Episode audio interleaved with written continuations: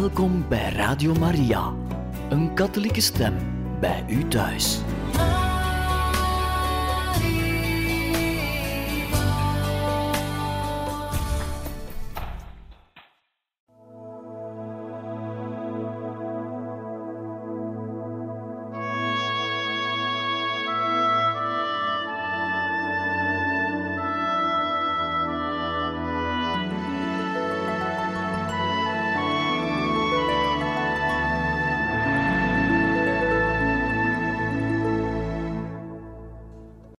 Beste luisteraars van Radio Maria, in dit programma lezen wij verder voor uit het boek Don Bosco van Teresio Bosco en we zijn gekomen bij hoofdstuk 36, Zeven carabinieri voor één jongen. Bij het onderwerp Indien nodig barricade in Turijn. 10 januari 1859. Koning Vittorio Emanuele hield in de Kamer zijn befaamde toespraak over de smartekreet.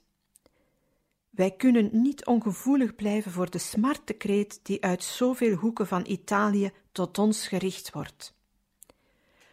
Die zin was afgesproken met Napoleon III en betekende een oorlogsuitdaging aan het adres van Oostenrijk. 23 april. Naar aanleiding van het samentrekken van vrijwilligers in Piemonte stuurde Oostenrijk een ultimatum. Op de 26e werd dat ultimatum genegeerd. Dat betekende het begin van de oorlog. Het Piemontese leger, 60.000 man sterk, trok op naar de grens. Uit Frankrijk kwam de divisie Bataille aan, de voorhoede van een leger van 120.000 man, onder persoonlijke aanvoering van de keizer. Bij de aankomst van de Fransen was Turijn buiten zichzelf van geestdrift. We hebben ze over de Piazza Castello zien defileren, schreef Costanze d'Azeglio, onder de toejuichingen van de menigte. Ik stond op het balkon van het ministerie samen met Farina en Ricasoli. Graaf Cavour, door de massa herkend, werd fanatiek begroet. Het rustige en saaie terrein was niet meer te herkennen. Er brandden lampjes in de ramen en overal hoorde men geschreeuw en gejuich. De Oostenrijkers trachten met een 160.000 man de Piemontezen te verslaan, voordat de troepen van Napoleon aangekomen waren. Met geforceerde marsen bereikten ze Novara, Vercelli, Trino, bedreigden Ivrea en stootte door met de voorhoede tot Chivasso, een 25 kilometer van Turijn. De overstroming van de laagvlakte had hen wel gehinderd, maar niet tot stilstaan gebracht. Turijn werd door paniek aangegrepen. Generaal de Sonas kreeg de opdracht een verdedigingslinie aan te leggen aan de Dora Baltea. Cavour telegrafeerde naar de koning zo nodig zou men vechten aan de Stura en barricade oprichten in de straten van Turijn. Maar Napoleon kwam op tijd. Per spoor werden de troepen vlug overgebracht. De eerste grote veldslag tussen Fransen en Oostenrijkers werd bij Magenta geleverd op 4 juni. Na een dag van onzekerheid behaalden de Fransen de overwinning. Vier dagen later kwam in Turijn het grote nieuws. 8 juni, de keizer en de koning zijn Milaan binnengetrokken. Daarna een nieuwe tijding. De Oostenrijkse keizer Frans Jozef heeft Wenen verlaten om persoonlijk het commando van de troepen op zich te nemen. Er dreigt een verschrikkelijke veldslag. Pietro Enria, die in die maanden 18 jaar was, herinnerde zich evenals het er in de jaren 1848-49 aan was toegegaan, werden de jongeren in Turijn in 1859 door de oorlogskoorts aangegrepen. Met honderden renden ze naar de velden buiten de stad en deelden zich in twee groepen in om oorlogje te spelen. Het was de bedoeling schijngevechten te voeren, maar de gemoederen raakten verhit en er werd echt met stenen gevochten. En dat gebeurde elk weekend. Ik weet nog dat Don Bosco op een zondag de kerk binnenkwam om zijn preekje tot de patronaatsjongens te houden, en dat hij tot zijn grote verrassing alleen de interne leerlingen vond. Waar zijn de anderen? vroeg hij. Geen mens die het wist. Hij ging naar buiten, de wei in, en hij vond er de jongens van het patronaat in gevecht met elkaar. Het waren er meer dan driehonderd, en de stenen waarmee ze elkaar bekogelden waren verre van klein. Don Bosco begaf zich in het strijdgewoel. Ik bleef hem in de verte volgen. En ik was bang dat hij door een steen getroffen zou worden. Maar hij ging nog een vijftigtal stappen verder tot in het hartje van het gevecht. Toen ze hem in het oog kregen, hielden ze op. En nu jullie slag geleverd hebben, zei hij lachend, gaan we catechismus geven. Niemand probeerde er van door te gaan. Met z'n allen gingen ze met hem de kerk binnen. We onderbreken hier voor wat muziek.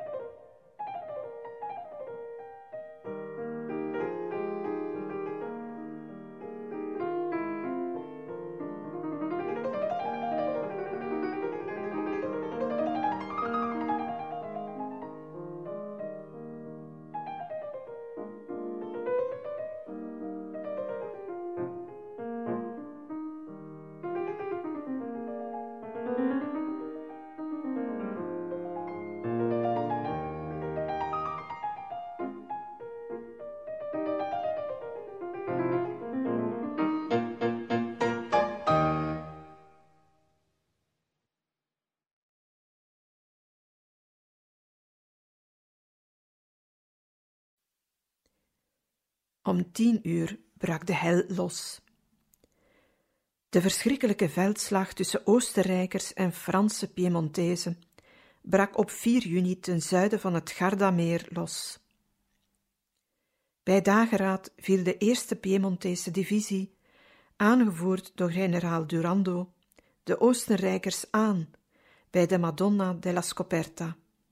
De derde en vijfde divisie, onder commando van Molland en Cucciari, deden de eerste krachtige aanvallen tegen de hoogte van San Martino, waar het zwart zag van de Oostenrijkse bajonetten.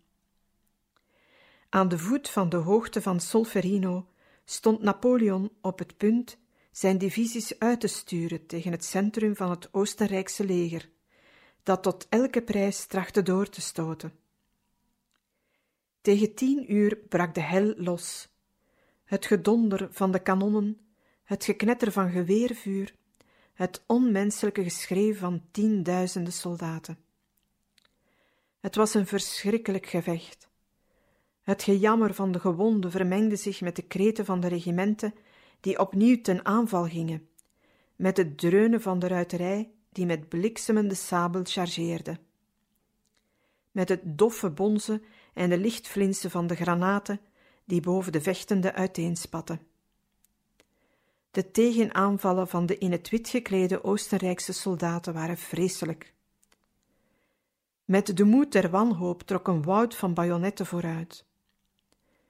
De massa Franse fuseliers deinsde terug, maar werd door de sabels van de ruiterij opnieuw in het strijdperk gedreven. De soldaten gingen voor de tiende, voor de vijftiende keer ten aanval over. Velen, met het zware geweer vooruitstormend, huilden. Anderen tierden om zichzelf moed in te spreken. Kort na het middaguur veranderde de Franse aanval in een reeks gevechten van man tegen man om het kerkhof en met cipressen begroeide heuvels en de toren van Solferino. De Zouaven, de Afrikaanse troepen van Napoleon III, waren als beschonken. Ze wierpen zich op de Oostenrijkers en richtten een waar bloedbad aan.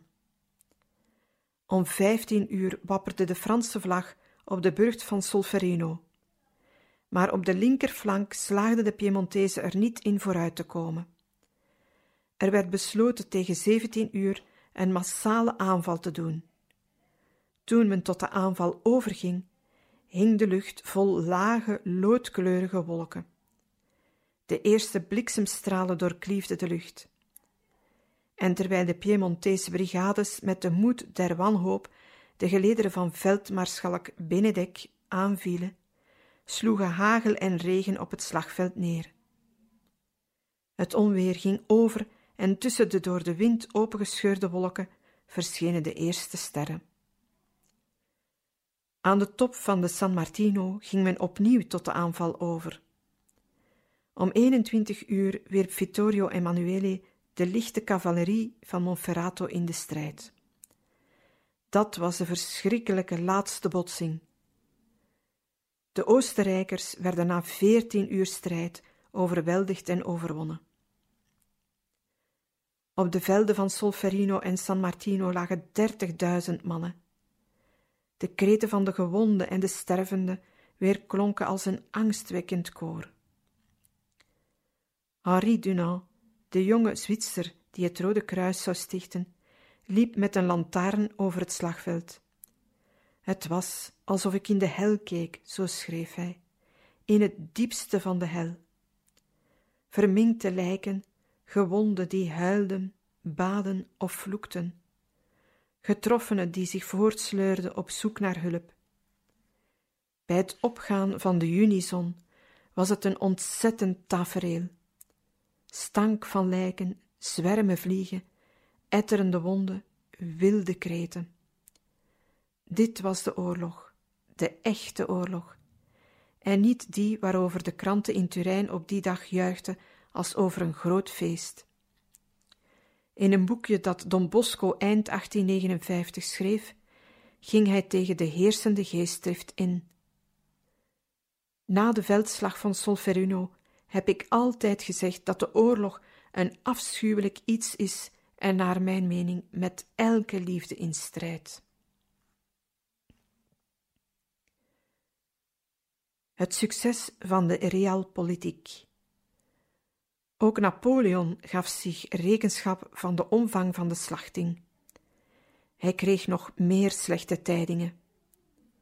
Toscane, Parma, Modena en de pauselijke provincies kwamen in opstand en riepen hun aansluiting bij Piemonte uit. Het te Plombière overeengekomen verdrag, waarbij het Italiaanse Centrale Rijk aan een Franse prins zou worden toegewezen, ging niet door. Als gevolg van de Oostenrijkse nederlagen werden er bovendien Pruisische troepen samengetrokken aan de Rijngrens. Zonder zijn Piemontese bondgenoten ervan op de hoogte te brengen, sloot Napoleon op 11 juli een wapenstilstand. Alleen Lombardije ging over naar Vittorio Emanuele. De tijding bereikte Turijn als een koude douche. In een ogenblik van vertwijfeling dacht Cavour aan zelfmoord. Via Turijn keerde Napoleon naar Frankrijk terug. Ijskoud werd hij ontvangen. De koning vergezelde de keizer tot Susa en dankte hem voor wat hij voor Italië gedaan had. Nauwelijks was de trein vertrokken of hij mompelde: Eindelijk is hij weg. Maar in de volgende woelige maanden verenigde Toscane en Emilia-Romagna zich met Piemonte, Ligurië, Sardinië en Lombardije. Een jaar later, in 1860, zou Garibaldi met de expeditie van de Duizend Sicilië en Midden-Italië veroveren. En in februari 1861 zou het nieuwe parlement Vittorio Emanuele uitroepen tot koning van Italië. De realpolitiek van Cavour had succes gekend. Grazia Mancini had hem in de eerste maanden van 1861 op het San Carloplein zien wandelen en schreef: Zijn goedig, expressief en voldaan gezicht sprak voor zichzelf. Alles is in orde. Zijn bewegelijke oogjes glansden achter zijn bril. Hij wandelde bedaard, het logge lijf schommelend op zijn dunne beentjes en zich in zijn kleine aristocratische handen wrijvend. Op 7 juni ging als een lopend vuur het nieuws door Turijn. Graaf Cavour is dood. Een zware slag voor het jonge Italiaanse koninkrijk. We onderbreken hier voor wat muziek.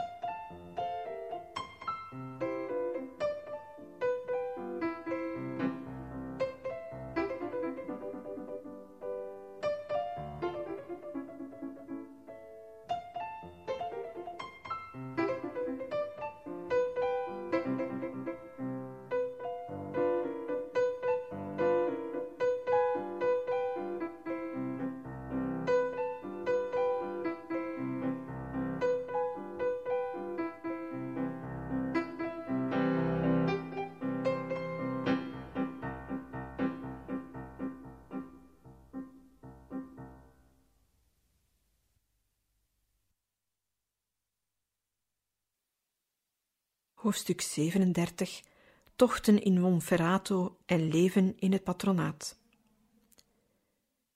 Elk jaar nam Don Bosco bij gelegenheid van het feest van de Madonna van de Rozenkrans zijn beste jongens mee naar Becky. In de eerste jaren waren dat er ongeveer twintig.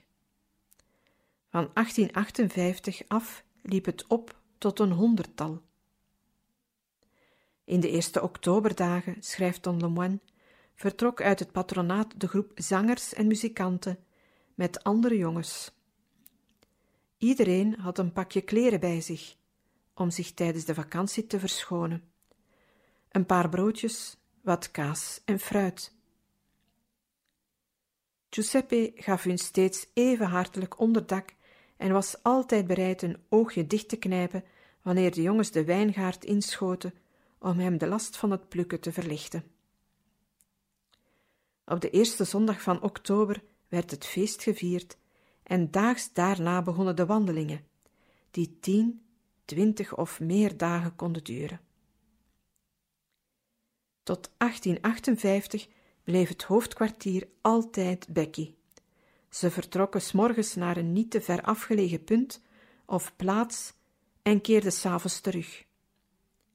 Sinds 1859 veranderde die wandelingen in echte tochten door het heuvelland van Monferrato. Tevoren had Don Bosco de tocht voorbereid. Pastoors en weldoeners stonden klaar om de uitgehongerde en vermoeide groep te ontvangen. De route ging over veldwegen tussen heuvels en wijnbergen. Men wandelde in groepen, zingend, trommelend en de ezeltjes aanporrend die op hun rug de voor de toneelopvoeringen nodige decors droegen. Achteraan kwam Don Bosco steeds door een grote groep jongens omringd, die nooit moe werden te luisteren naar zijn verhalen over de dorpen waar ze doortrokken.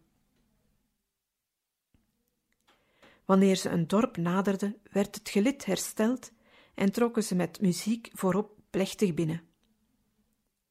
Daarover schreef Don Anfossi ik herinnerde mij nog altijd die avontuurlijke tochten. Ik was er dol op. Ik vergezelde Don Bosco door de heuvels van Monferrato van 1854 tot 1860. We waren met een honderdtal jongens en we merkten toen al dat Don Bosco alom als een heilige werd beschouwd. Zijn aankomst in die dorpen was telkens een triomftocht. De pastoors uit de omgeving en over het algemeen ook de burgerlijke gezagdragers stonden langs de weg. De bewoners hingen uit de ramen of stonden in en voor de deur van de huizen. De landlieden lieten hun werk in de steek om de heilige man te zien, en de moeders gingen naar hem toe om hun kinderen te laten zien, en ze vroegen hem knielend om zijn zegen. Aangezien het onze gewoonte was meteen naar de parochiekerk te trekken om er Christus in het heilig sacrament te aanbidden, was de kerk binnen de kortste keren vol mensen die Don Bosco van op de kansel toesprak. Daarop werd het Tantum Ergo gezongen en de zegen met het Allerheiligste gegeven. Naar landsgebruik werd er gepiknikt, maar rijkelijk. De bevolking bracht de jongens korven fruit, eigen gebakken brood, kaas en kruiken wijn. Men sliep in loodsen of grote zalen op de grond, op zakken vol blaren of in het stro. Een jongetje van vijf jaar, Filippo Rinaldi. In de jaren 1859 en 60 werden de volgende dorpen aangedaan: Villa San Secondo, Montiglio, Marmorito, Pia, Moncuccio, Albugnano, Montafia, Primeglio, Cortazzone, Pino d'Asti. In 1861 drong de vrolijke bende door tot Casale Monferrato, Mirabello, Lou, San Salvatore en Valenza. Dan per spoor verder naar Alessandria en van Alessandria naar Turijn.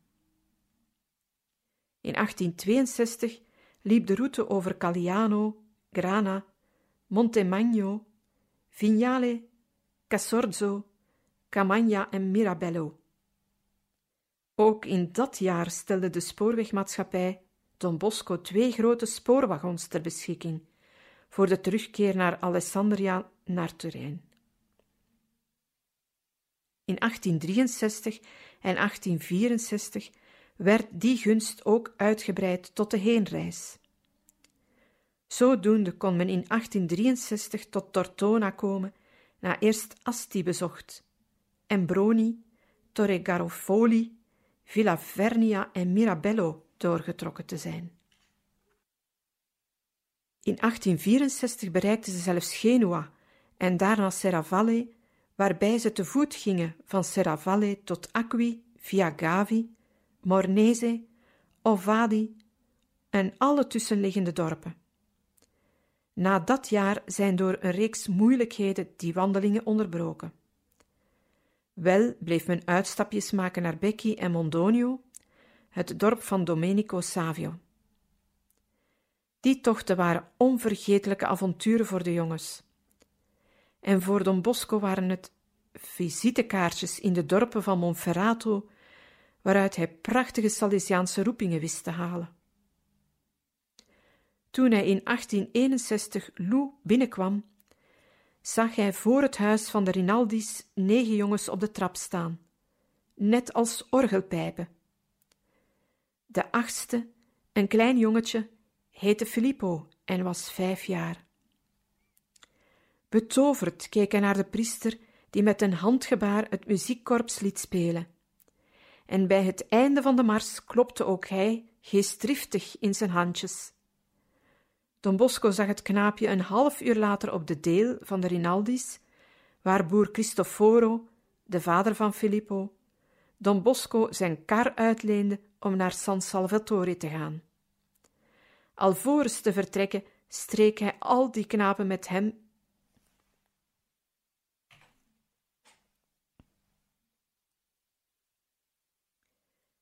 Alvorens te vertrekken streek hij al die knapen die hem betoverd aankeken over hun haar en bleef hij de kleine Filippo lange tijd in de ogen kijken.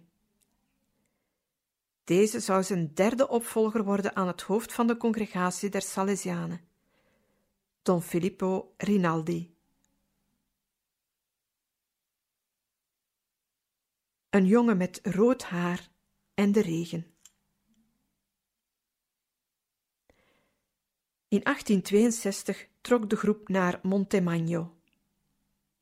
Een jongen van twaalf jaar was in een dal aan het spelen, hoorde het geschetter van de fanfare, liet zijn makkers en schoenen in de steek en rende in één ruk naar het dorpsplein. Met zijn ellebogen wrong hij zich tussen de mensen door en kwam uiteindelijk op de eerste rij. Don Bosco kreeg die nieuwsgierige blik die kuif van rode haren in de gaten en vroeg hem voordat hij wegging: Wie ben je? Lasagna Luigi.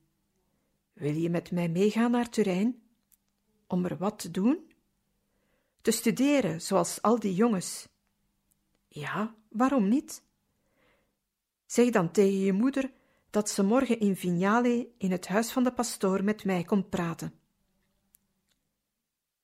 Op het einde van de maand was Luigi Lasagna in het patronaat opgenomen. Hij was een levendige jongen, maar erg gevoelig. Hij kreeg heimwee en een paar dagen later vluchtte hij naar huis. Sommige oversten voelden er niet veel voor hem weer op te nemen, maar Don Bosco stond borg voor hem. Die jongen is uit goed hout gesneden, dat zult u zien en Luigi kwam terug en hechtte zich aan Don Bosco. Hij werd de tweede Salesiaanse bisschop en een groot missionaris. Twee jaar later kwam Don Bosco in Augustus in Montemagno terug en was toen het middelpunt van een buitengewone gebeurtenis. Sedert drie maanden had het niet meer geregend. De wijnstokken droogden uit op de heuvels. Don Bosco was gekomen om een triduum te preken ter voorbereiding op het feest van Maria ten Hemelopneming. Na de eerste preek kondigde hij aan: als u zich in deze drie dagen door een goede biecht met God verzoent en op de dag van het feest allen te communie gaat, beloof ik u in naam van de Madonna overvloedige regen. Toen hij van de kansel afdaalde, zag hij de pastoor Don Clivio met een somber gezicht staan. U bent een mooie, zei hij hem. Ik wens u veel sterkte. Waarvoor? Om in het openbaar voor de dag van het feest regen te beloven. Heb ik dat gezegd? Dat heeft Jan en alle man gehoord. Ik houd niet van dergelijke dingen. De mensen deden braaf wat hij gezegd had. Don Rua en Don Cagliero, die Don Bosco vergezelden, herinnerden zich nog jaren nadien dat ze doodmoe waren van de vele uren in de biechtstoel. Ook in de omliggende dorpen deed de voorspelling stof opjagen. Velen wachten nieuwsgierig af, vele anderen waren sceptisch. De dag van Maria ten hemelopneming, het was een donderdag, begon met stralend weer. In de namiddag was er zelfs geen wolkje te bespeuren. Don Luigi Porta vertelde: Terwijl ik naar de kerk ging voor de vespers, sprak ik met markies Fassati over de beloofde regen. Het zweet parelde op ons voorhoofd, al was de afstand van het huis van de markies tot aan de kerk maar tien minuten lopen. In de sacristie zei de markies tegen Don Bosco: Deze keer, Don Bosco, wordt het een fiasco. U hebt regen beloofd, maar het zal anders uitvallen. Na de vespers trok Don Bosco albe en stool aan en ging de kansel op. Maar al onder het bidden van het Ave Maria voor de preek verdween de zon. Hij was pas een paar minuten aan het preken of bliksemflitsen en donderslagen wisselden elkaar af. Ten prooi aan een hevige ontroering hield Don Bosco een ogenblik met preken op. Een dichte en aanhoudende regen begon tegen de kerkramen te kletteren. U kunt begrijpen, zo ging Don Porta, van wie wij deze getuigenis samenvatten door, hoe welsprekend Don Bosco preekte, terwijl de regen bleef stromen. Het werd een danklied voor Maria. Na de zegen bleven de mensen nog in de kerk en in het voorportaal staan, omdat het onafgebroken bleef regenen. Vaak gaan de grote zomeronweersbuien in Monferrato gepaard met hagel. Die dag viel er ook een beetje. Fanatici gingen er meteen op uit en wisten te vertellen dat het had gehageld op de wijngaarden van die van Grana, een naburig dorp, waar, tot woede van die pastoors, die dag het patroonsfeest gevierd werd met een openbaar bal op het plein. We onderbreken voor wat muziek.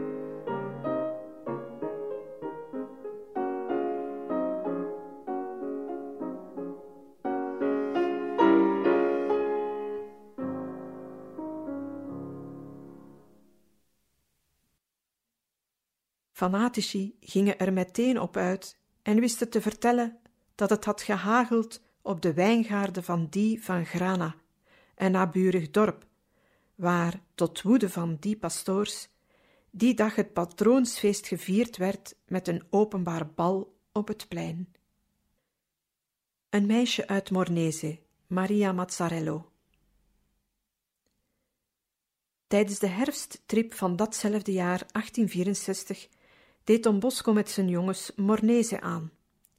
Het was al avond.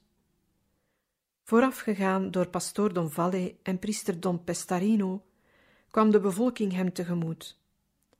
De muziek weer klonk en velen knielden bij de doortocht van Don Bosco neer om zijn zegen te vragen. De jongens en de parochianen gingen de kerk in. De zegen met het Allerheiligste werd gegeven en iedereen ging naar huis om te eten. Daarna gaven Don Bosco's jongens, door het applaus aangemoedigd, een kort concert van marsen en lichte muziek. Op de eerste rij stond een jonge vrouw van 27 jaar, Maria Mazzarello. Op het einde sprak Don Bosco een paar woorden. We zijn allemaal moe en mijn jongens hebben behoefte aan een goede slaap. Morgen zullen langer met elkaar praten. De volgende dag stelde Don Pestarino s'morgens aan Don Bosco de dochters van de onbevlekte maagd Maria voor. Onder hen bevond zich ook Maria Mazzarello. Don Bosco kwam onder de indruk van de goedheid en de werkzaamheid van die meisjes.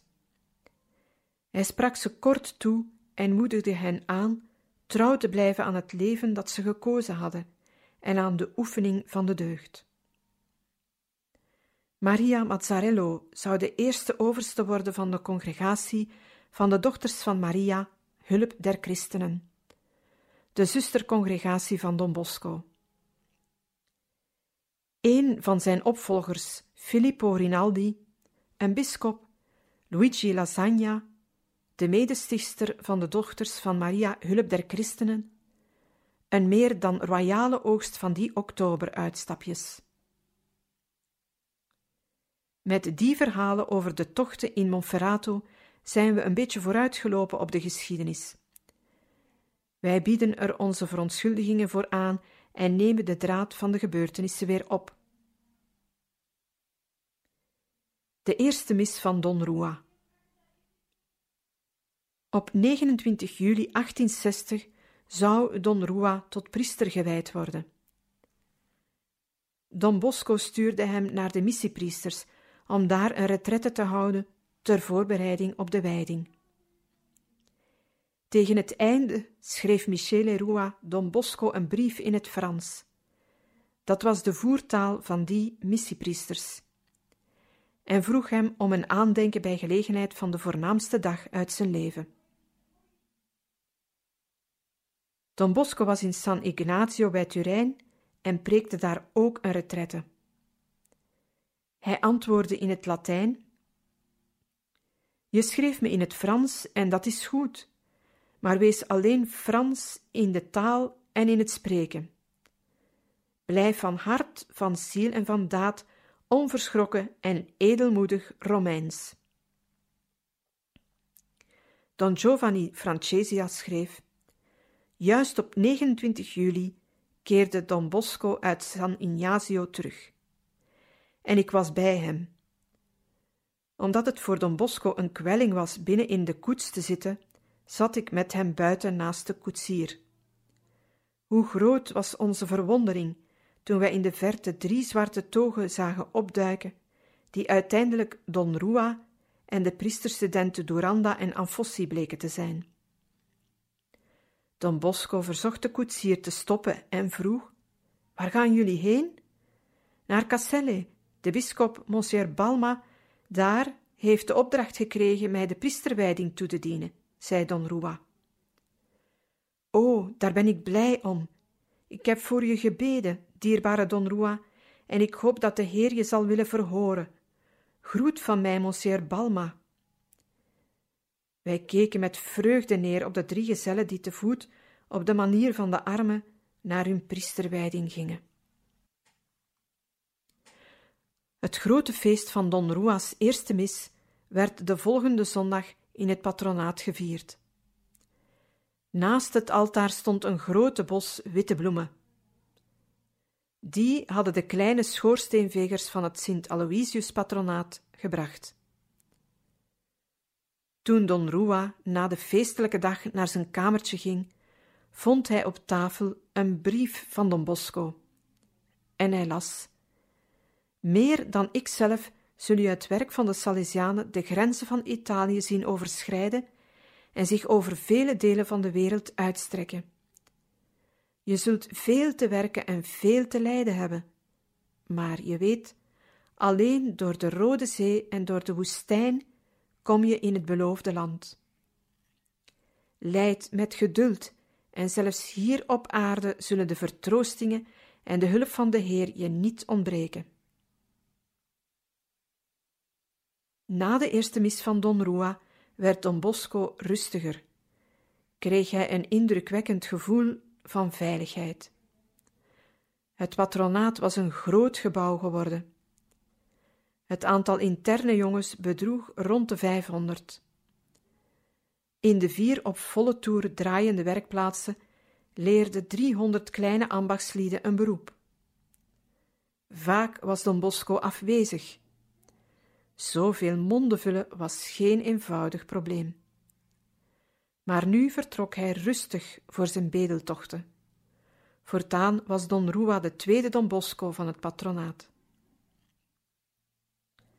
Op 23 juni 1860 trof Don Bosco een zware slag. De dood van Don Cafasso. Hij werd te laat ingelicht over de ziekte van zijn grote vriend. Vergezeld van de jonge Francesco Ceruti ging hij hem in allerijl opzoeken. Maar hij kwam aan toen hij juist overleden was.